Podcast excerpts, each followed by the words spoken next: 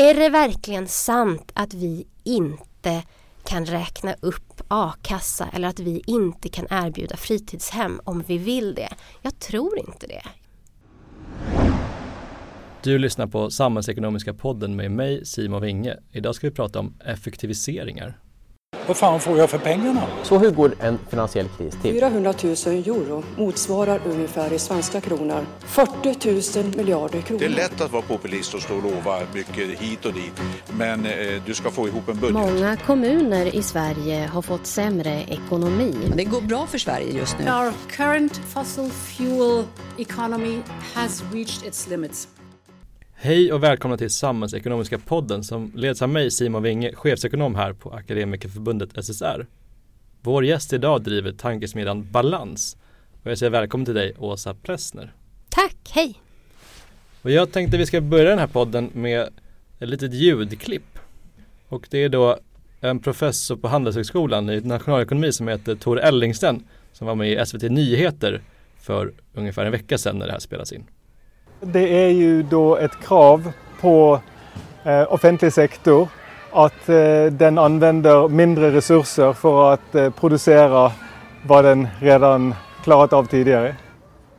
Det går till så att man berättar för de som jobbar i offentlig sektor att eh, nu får ni lite mindre pengar än vad ni fick förra året, eller lite mindre resurser i alla fall än ni fick förra året, men vi vill att ni ska åstadkomma lika bra resultat med de pengarna. Gärna bättre.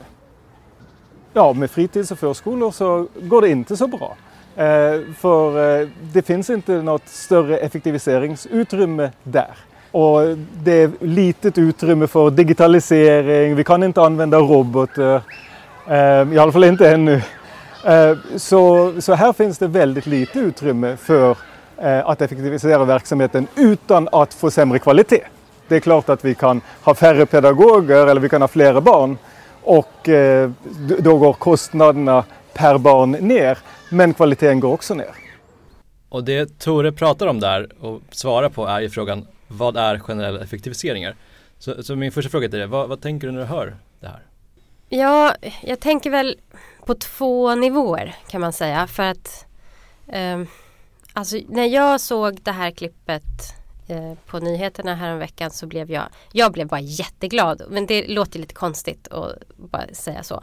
För att det är ju en väldigt dålig grej han pratar om. Eh, generella effektiviseringar i liksom, människokrävande, vårdande yrken.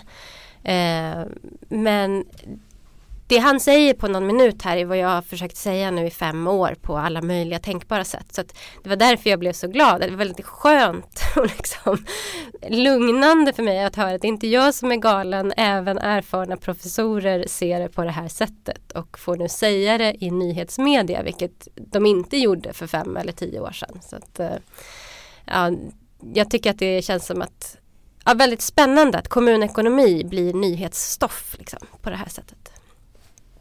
Det kan man sammanfatta det som någon form av lobbyingseger här då för Ja faktiskt, ja det tycker jag. Jag tänker i alla fall, man får ju aldrig veta säkert om man har haft någon, någon finger med i spelet eller inte. Men jag tänker claima det här som en, som en seger för, för Balans sätt att se på kommunekonomi. För det här klippet sändes ju då parallellt med att eh, lokalföreningen Stockholms stad hade ett uppmärksammat inlägg som gick hela dagen på Riks-TV där de pratade just om generella effektiviseringar i Stockholms kommun. Och eh, ni har ju pratat om det här rätt länge som du säger men kan du inte utveckla lite, vad, vad är de här generella effektiviseringarna och vad handlar det om? Om du skulle få använda mm. fler ord än Tore här. Precis, eh, jag skulle säga att det handlar om ett sätt att skapa eh, kommunala och regionala budgetar. Eh, där man inte utgår från vad vem som helst av oss som vi tänker efter skulle tycka var rimligt när vi, om, vi, om, om det var vi som skrev eh, budgetar. Då skulle vi tänka så här, ja vi får titta på om vi inte gör någon större förändring i organisationen. Då får vi utgå från hur mycket kostade det förra året? Hur mycket tror vi att kostnaderna kommer förändras? Och vill vi göra några speciella satsningar eller besparingar? Och då landar vi i nästa års eh, budget.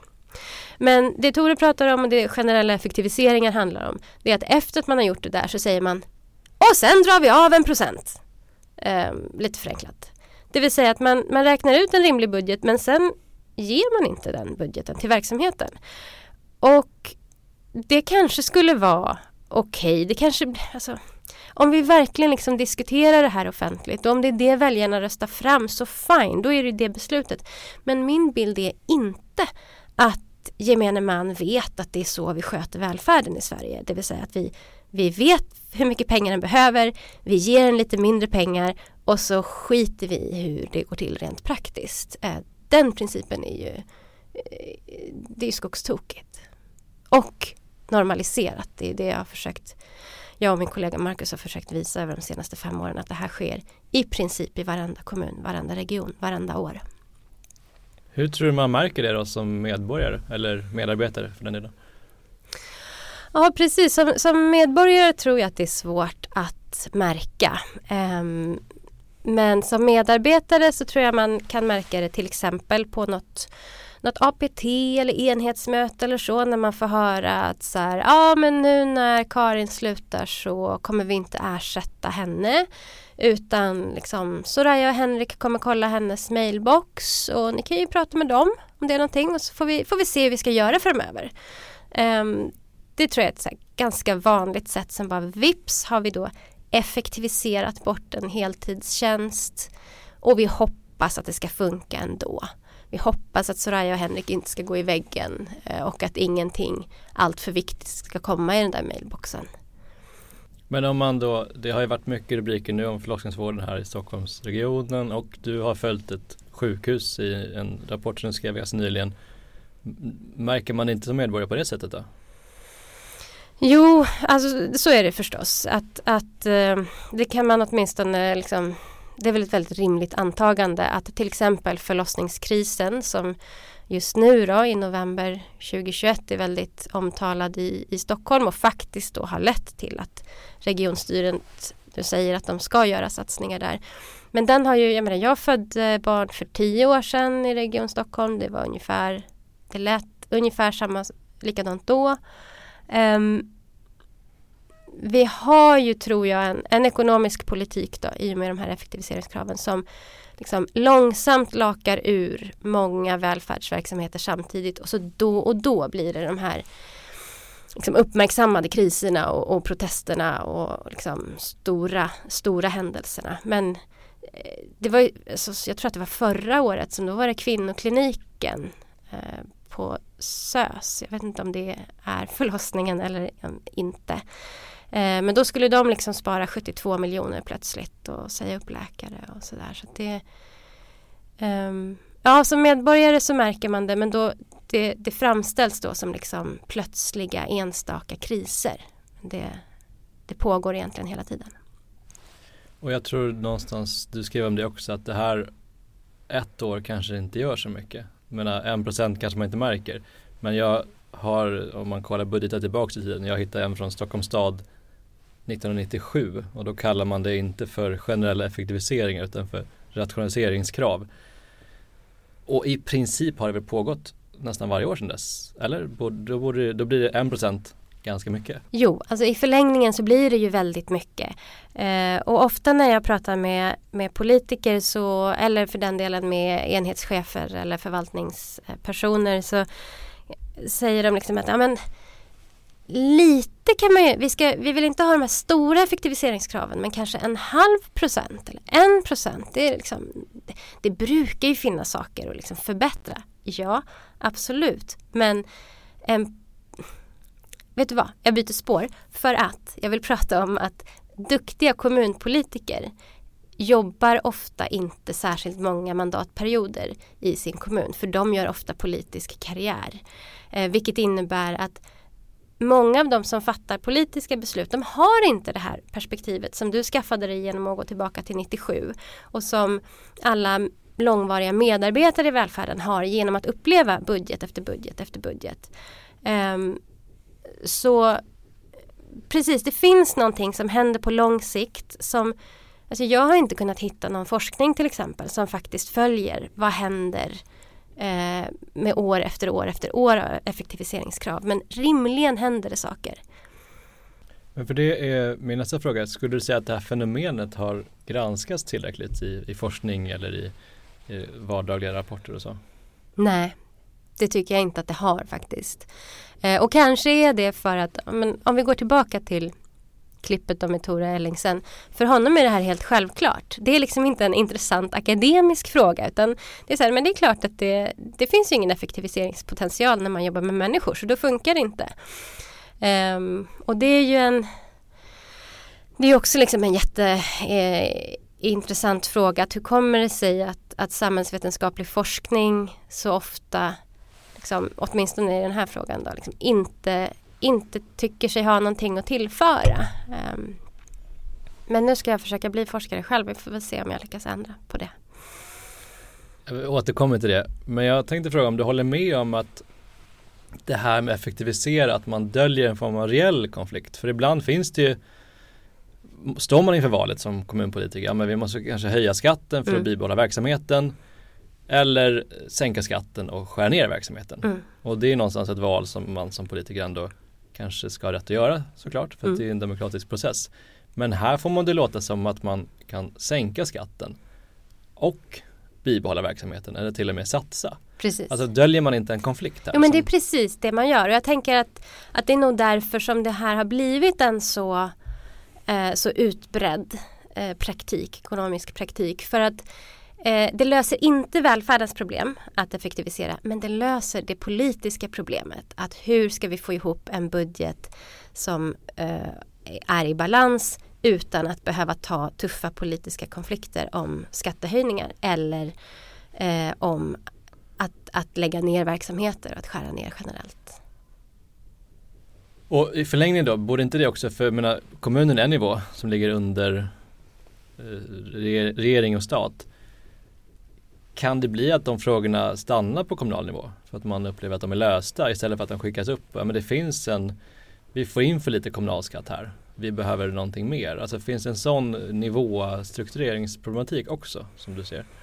Jag är inte säker på att jag förstår frågan men jag försöker ändå. Ja, mm. i så fall. Jag tror att det finns ett, ett sånt problem. Um, en sak som kommun, kommuner och regering ofta bråkar om det är ju statsbidragen. Ska de vara generella, alltså en pengapåse till kommunerna och så får de själva bestämma vad som ska göras med dem. Eller ska de vara riktade, det vill säga regeringen bestämmer vad de ska gå till. Um, och det är ju precis som då kommunala budgetpraktiker och effektiviseringskrav ingen kioskvältare, liksom, ingen stor nyhetsfråga. Ehm, men jag tror att det handlar om just den där frågan. Ehm, att rikspolitiker de har ju inte rådighet egentligen över välfärdsverksamheterna. Både skola, och vård och omsorg ligger på kommuner och regioner. Rikspolitiker vill gärna säga vi satsar på vården eller omsorgen eller skolan. Men eh, då har de det här med kommunalt självstyre att förhålla sig till och att då många kommuner eh, har en annan politisk färg än regeringen kanske inte alls vill satsa samtidigt som regeringen. Och så där. Ja, det finns definitivt en sån alltså, eh, något ställningskrig eller vad man ska säga däremellan, maktkamp. För jag tycker det här är en intressant diskussion om just riktade kontra generella statsbidrag. Det har ju vi tidigare sagt så här, precis som du beskriver så vill ju rikspolitiker ofta rikta statsbidragen. För mm. då kan man ta cred för dem på, på högsta nivå och säga men kolla vi har satsat här och här. Men det som i själva verket kanske behövs är att kommunerna får mer pengar att lägga där de tycker funkar bäst. Mm. Det skulle jag säga är en hållning som, som jag kanske har sympatiserat mest med fram till pandemin. Mm. För det vi såg där var att rikspolitikerna faktiskt gick in och satsade mer än vad de någonsin har gjort, även i reala termer, till kommunerna. Och många kommuner går ut, fortsätter effektivisera, mm. fast de då fick pengar emot att de skulle satsa på pandemiverksamhet. Sänker dessutom skatten. Mm. 2021 sänkte skatten i 11 kommuner. Nu har vi inte fått alla budgetar än men 2022 så kommer det komma ganska stor mängd skattesänkningar igen. Mm. Vi är fortfarande mitt i en pandemi. Mm. Så att min personliga åsikt har skiftat lite där. För mm. att om vi bara ger dem pengar och de inte kommer ut i verksamheten till medarbetarna, vad ska man göra då? Mm, precis, det är ju, eh, vi, vi måste tänka på ett annat sätt och det är tydligen inte bara eh, liksom rikspolitik och stora reformer och statsbudgetar som, som vi som vill ha någon politisk ändring behöver förstå. Utan vi behöver nog hitta sätt att liksom ja, hur, ska man, hur ska man lobba på 290 kommuner och 21 regioner samtidigt? Eh, det tror jag är den hemläxa som vi behöver göra. Men hur mycket handlar då om just synlighet och att, man som, att man som medborgare ser det här? Regeringen hade nyligen en jämlikhetskommission där Per Molander la förslaget på a-kassan och andra transfereringar i samma problematik där. Mm. Att de ligger kvar på samma nivå fast allt annat räknas upp så att man urholkar gradvis det. Och det är det vi ser kommunen gör som du mm. beskriver att man ligger kvar på samma budgetnivå fast allt blir dyrare. Och eh, kommissionens förslag var där att man skulle göra det här mycket synligare. Att riksdagen får besluta precis hur de vill med de här nivåerna. Men det måste vara mer transparent vad avsteget är. Den här nivån skulle det vara annars, så här mycket pengar handlar det om. Så att en tanke är att man skulle kunna säga till kommunerna att ni får gärna effektivisera hur mycket ni vill. Men ni måste mycket tydligare visa. Så här många miljoner har vi sparat. Så här många miljoner skulle annars ha gått till, till medarbetare som det är i största, mm. till största delen. För att öka synligheten. Hur ser du på ett sådant förslag till exempel? Alltså jag tycker det låter rimligt och också som nu, nu är vi utanför mitt, mm. mitt kompetensområde. Liksom. Jag kan läsa budgetar. Eh, det här låter mer som liksom, strategi och kanske lite baserat på idéer om, om nudging och kommunikation och så. Det låter jättevettigt. Eh, den typen av förslag handlar om att öka det, den politiska kostnaden för att dölja den här konflikten. Eh, och eh, alla förslag som handlar om att öka politiska kostnader de kommer möta massa motstånd. Så att, det är en bra idé och jag tror att det krävs fler bra idéer, fler bra tankar om hur man faktiskt ska få igenom det. Jämlikhetskommissionen las, den, den fick väl lämna sitt betänkande tror jag, mitt i sommaren eller något sånt där. Det var, den har inte haft riktigt det genomslag som jag tror att Per Molander med flera hoppades på. Men jag, när jag har försökt läsa budgetar då tycker jag ibland det är svårt att ens förstå vad effektiviseringarna är ibland. Mm. Att det liksom, även om man rotar i det, vilket ju många medborgare inte gör. så det finns inte någonting där. Att det måste vara lättare. Jo men verkligen. Jag satt faktiskt och, och följde Göteborgs kommuns, eller Göteborgs stads budgetar tio år tillbaka i tiden. För det var så många de hade på, på hemsidan. Så det var ju på ett sätt transparent.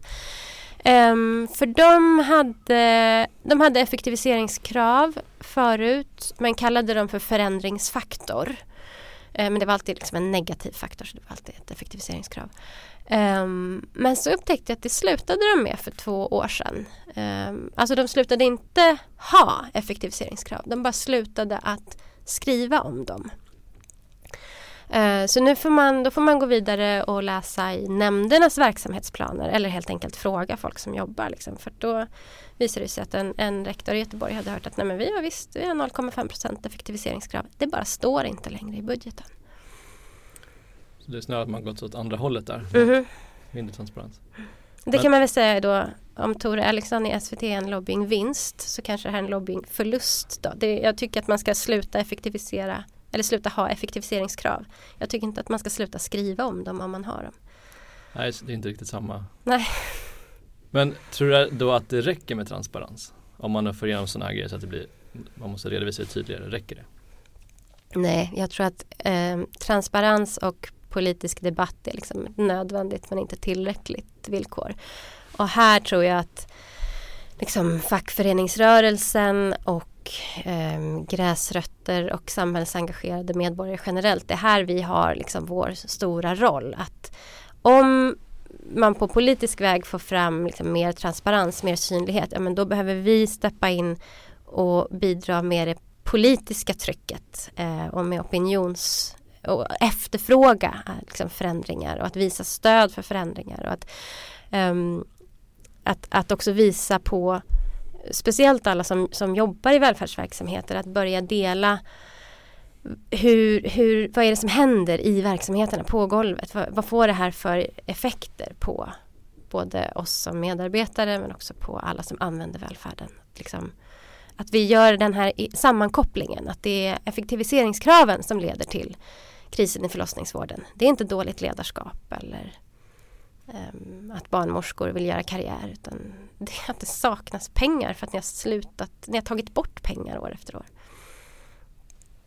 Men för ni har i Tankesmedjans regi också varit ute och haft kurser i hur man läser budgetar och hittar de här mm. kraven. Mm. Kan du inte berätta lite om det? Jo, um, man gör så här. Man eh, går till sin kommuns hemsida och så söker man på budget och ett årtal, budget 2022 och se vad man får upp. Um, en kommunal budget, även en regional budget, brukar se ut så här. På framsidan är det ett bild på natur eller barn. Eh, sen kommer ett förord som eh, pratar om att vi har stora utmaningar men eh, fantastisk personal och eh, vi är en kommun på frammarsch. Eh, sen kommer det 20, 40, 100 sidor eh, om allt som ska göras och sen kommer tabeller. Man vill in i tabellerna. Eh, har man, bor man i en kommun som fortfarande jobbar lite grann med transparens då står det faktiskt där nämnd för nämnd Eh, vad var eh, ramen som det heter, den totala kostnaden förra året, åtminstone enligt budget. Eh, hur mycket räknas den upp eh, för prisökningar? Hur mycket räknas den upp för att det blir fler medborgare i den här kommunen? Det blir alltid fler medborgare eftersom kommunen är på frammarsch och så vidare. Ehm, och sen så brukar det kunna komma en rad till. Då står det så här, generell effektivisering 50 miljoner eller omprövningskrav 24 miljoner eller förändringsfaktor, rationalisering, eh, förbättring har jag sett att det heter. Förbättring minus 30 miljoner. Ja, det, står någon, det står en floskel med ett minustecken. Eh, då är det en signal om att det där är nog ett besparingskrav som det, där inte finns uttalat från politiskt håll hur besparingen ska gå till. Där har man den. Förbättring var nytt för mig. Mm. Men hur vet man då vad det borde vara? Alltså de ska räkna upp för allt blir dyrare men hur vet man det? Mm. Um, SKR har ju fått mycket uppmärksamhet här under pandemin, eh, Sveriges kommuner och regioner. Det är ju en intresseförening som ska hjälpa kommuner att reg och regioner med allt möjligt. Och bland annat tar de fram index för hur mycket olika verksamheter förväntas öka eh, i kostnad. Så det finns, ett, det finns ett omsorgsprisindex, det finns ett landstingsprisindex och det finns ett allmänt prisindex för kommunal verksamhet.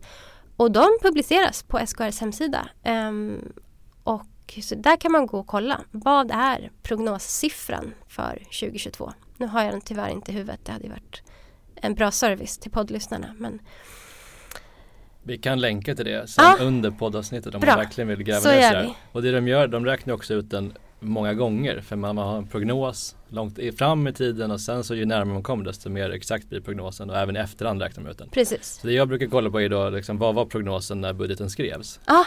Ibland kan det räknas Exakt, ner. jag tänker, liksom. vad trevligt att få träffa någon annan som så här, funderar på de här sakerna. Jag tänker också så att det är prognosen när budgeten skrevs. Det är den som är liksom, ja men det var den bästa information som fanns tillgänglig. Det är den man borde förhålla sig till. Och sen kan man ju då behöva ta liksom, tilläggsbeslut i efterhand idealiskt sett om det visar sig att, att kostnadsökningarna blir större. Precis, så, det, så gör man. Och jag skulle också säga, jag har kollat på betydligt färre budgetar än vad du har men jag har nästan aldrig stött på att man räknar upp med den faktorn. Nej. Väldigt ovanligt. Mm. Den, delar du den bilden? Jag delar den bilden. Um, den gång, de gånger som vi har liksom gjort läst eh, alla kommunbudgetar eller alla regionbudgetar då har det ofta funnits några få där vi liksom inte har kunnat hitta eh, ett uttalat sparkrav. Eh, men då blir man, det är, så, det är så få gånger som man undrar liksom vad är det vi missar? Det är väldigt svårt att tro att, att det finns ett fåtal kommuner som verkligen har hittat ett sätt att inte spara. Så. Det finns också några kommuner som gör det typ vartannat år. Så då kan man Att de indexerar upp det vartannat år? Ja, precis. Så då beror det på om man läser ett jämnt eller udda årsbudget. Och det brukar vara, jag har aldrig sett det ligga mindre än 2 kan man lägga till. Ibland är det till och med över 3 mm. någonstans, någonstans där va? Brukar det vara. Eh, det är så mycket kostnaderna mm. förväntas öka. Ja. Men och nu, du har varit inne lite på det och det är lite spekulativt men varför blir det så här? Varför är systemet riggat på det här sättet? Om du får liksom spekulera fritt här lite mer kring det. Ja, jag är väldigt nyfiken på Klas Eklunds roll. Jag, nu säger jag inte att det är Klas Eklunds fel. Jag sa, jag är nyfiken på Klas Eklunds roll. eh, ekonomen och de andra ekonomer som under tidigt 80-tal knöts till Socialdemokraterna för att plocka fram en ny ekonomisk politik. För där, det är de tidigaste texter jag har hittat där man pratar om att liksom, kostnadsutvecklingen i den kommunala sektorn måste brytas. Eh, och man började prata om eh, under 80-talet också en, en 2-procentare började man prata om för statliga myndigheter att man skulle effektivisera 2 procent per år. Så det var det inga myndigheter som tyckte att de kunde göra så 2 procenten förhandlades bort gång på gång. Ehm, det är också under 80-talet som jag hittat den tidigaste forskningen som nämner osthyvling som ekonom, ekonomistyrningsprincip. Det är alltså precis samma sak som generell effektivisering. Alla ska spara lite grann. Um, så någonstans där, alltså i Eh, när Socialdemokraterna började ompröva sin ekonomiska politik, där hände det saker som jag tror, och då var ju de fortfarande en väldigt starkt dominerande politisk kraft. Så där kom det in ett ekonomiskt synsätt som inte fanns under välfärdsstatens uppbyggnad. Och, ska jag säga, det kanske inte var fel då, men det var 40 år sedan. Och har man osthyvlat i 40 år så är det ganska rimligt att tro att osten börjar ta slut och vi behöver byta pålägg. För det är ofta något man hör just det här vi måste göra det här. Det är en naturlag. Om vi inte gör det så kommer vi inte klara välfärden. Det är demografin och det är efterfrågan på mm. vård, skola, omsorg som ökar hela tiden. Det är den enda vägens politik. Vad svarar, man, vad svarar du då? Ja men det är så mycket som är omöjligt om man ska hålla sig till hur vi alltid har gjort. Eh, det är såklart eh, omöjligt att klara klimatomställningen och det är omöjligt att lösa arbetsvillkoren i en globaliserad tid. Det finns alla möjliga omöjliga saker. Eh, ja, då kan vi ju liksom sluta försöka eller så kan vi försöka tänka större. Eh, och jag tror att det är så här att med med det finanspolitiska ramverk vi har idag, med de partier vi har idag, med de traditioner vi har idag så är det inte bara att sluta effektivisera. Nej, så långt är det sant. Liksom. Ja, I just den här konfigurationen av regler och institutioner så behövs då blir effektiviseringskraven en lösning som besparar oss politisk konflikt. Men om man tänker lite, lite större, nämligen att vi är ett av världens, rik, en av, eh, ett av världens rikaste länder. Vi har eh, så kallade sunda statsfinanser, vi har en välutbildad befolkning. Är det verkligen sant att vi inte kan räkna upp a-kassa eller att vi inte kan erbjuda fritidshem om vi vill det. Jag tror inte det. Jag tror att det finns politiska lösningar men det är möjligt att de kräver större grepp och lite längre, lite längre sikt än att liksom lösa det från en budget till en annan. Men om man tänker på det, ibland tänker jag på det utifrån privat och offentlig konsumtion. Mm. Det som händer är antingen så höjer man skatten lite, då konsumerar vi det offentligt. Eller så höjer man den inte och då kan man konsumera lite privat mm. för den här liksom, välståndsökningen. Tror du att det är mer privat eller mer offentlig konsumtion vi kommer behöva idag och in i framtiden? Jag tror att man kan göra på det ena eller andra sättet. Eh, men den svenska välfärdstraditionen bygger på offentlig konsumtion. Det bygger på tanken om att, att eh, om, om vi alla har liksom alla pengar själva på fickan så då blir det mer iPhones och skräpmat än det blir eh, förebyggande sociala insatser. Men egentligen mår alla bättre av mer förebyggande sociala insatser så vi accepterar en, eh, ett högre skatteuttag. Um, det tror jag är liksom den svenska traditionen. Men eh, ja, alltså i, i princip är det klart att man kan köpa privat välfärd. Och du, kommer, du har börjat doktorera mm på, på det här i företagsekonomi. Kommer vi förlora, in, förlora dig in i akademin eller kommer du fortsätta gräva och, och vända på de här stenarna? Nej men jag tror att alltså jag började forska för att jag fick höra att hörru du det här grävandet som du håller på med det är en slags forskning. Eh, kanske lite högljuddare än, än vad många etablerade forskare gör. Men du, du undrar ungefär samma saker som ganska många företagsekonomer. Så att eh, i bästa fall så, så lyckas jag eh, kanske locka fler att bli redovisningsforskare för att det är jättespännande och eh, lyckas locka fler redovisningsforskare att uttrycka sig kortfattat och begripligt och i media. Ehm, vi får se. försvinner jag in i akademin så är det inte jättelångt härifrån. Du får åka och hämta mig. Stort tack. Och eh, Till er lyssnare har ju Åsa också skrivit eh, ett inlägg i vår antologi Välfärden efter Corona som vi precis gav ut som går att få tag på i alla bokaffärer. Och eh, vi har precis grillat dig här på morgonen när vi hade seminarium kring boken och nu har du stått här i studion så jag vill tacka dig för att du har lagt en hel dag här på förbundet och för texten i boken också. Tack, väldigt effektivt av oss. Och det var allt från Samhällsekonomiska podden idag. Vi tar oss an de stora samhällsfrågorna med både ekonomisk och facklig utgångspunkt. Samhällsekonomiska podden görs av Akademikerförbundet SSR, Sveriges ledande samhällsvetarförbund.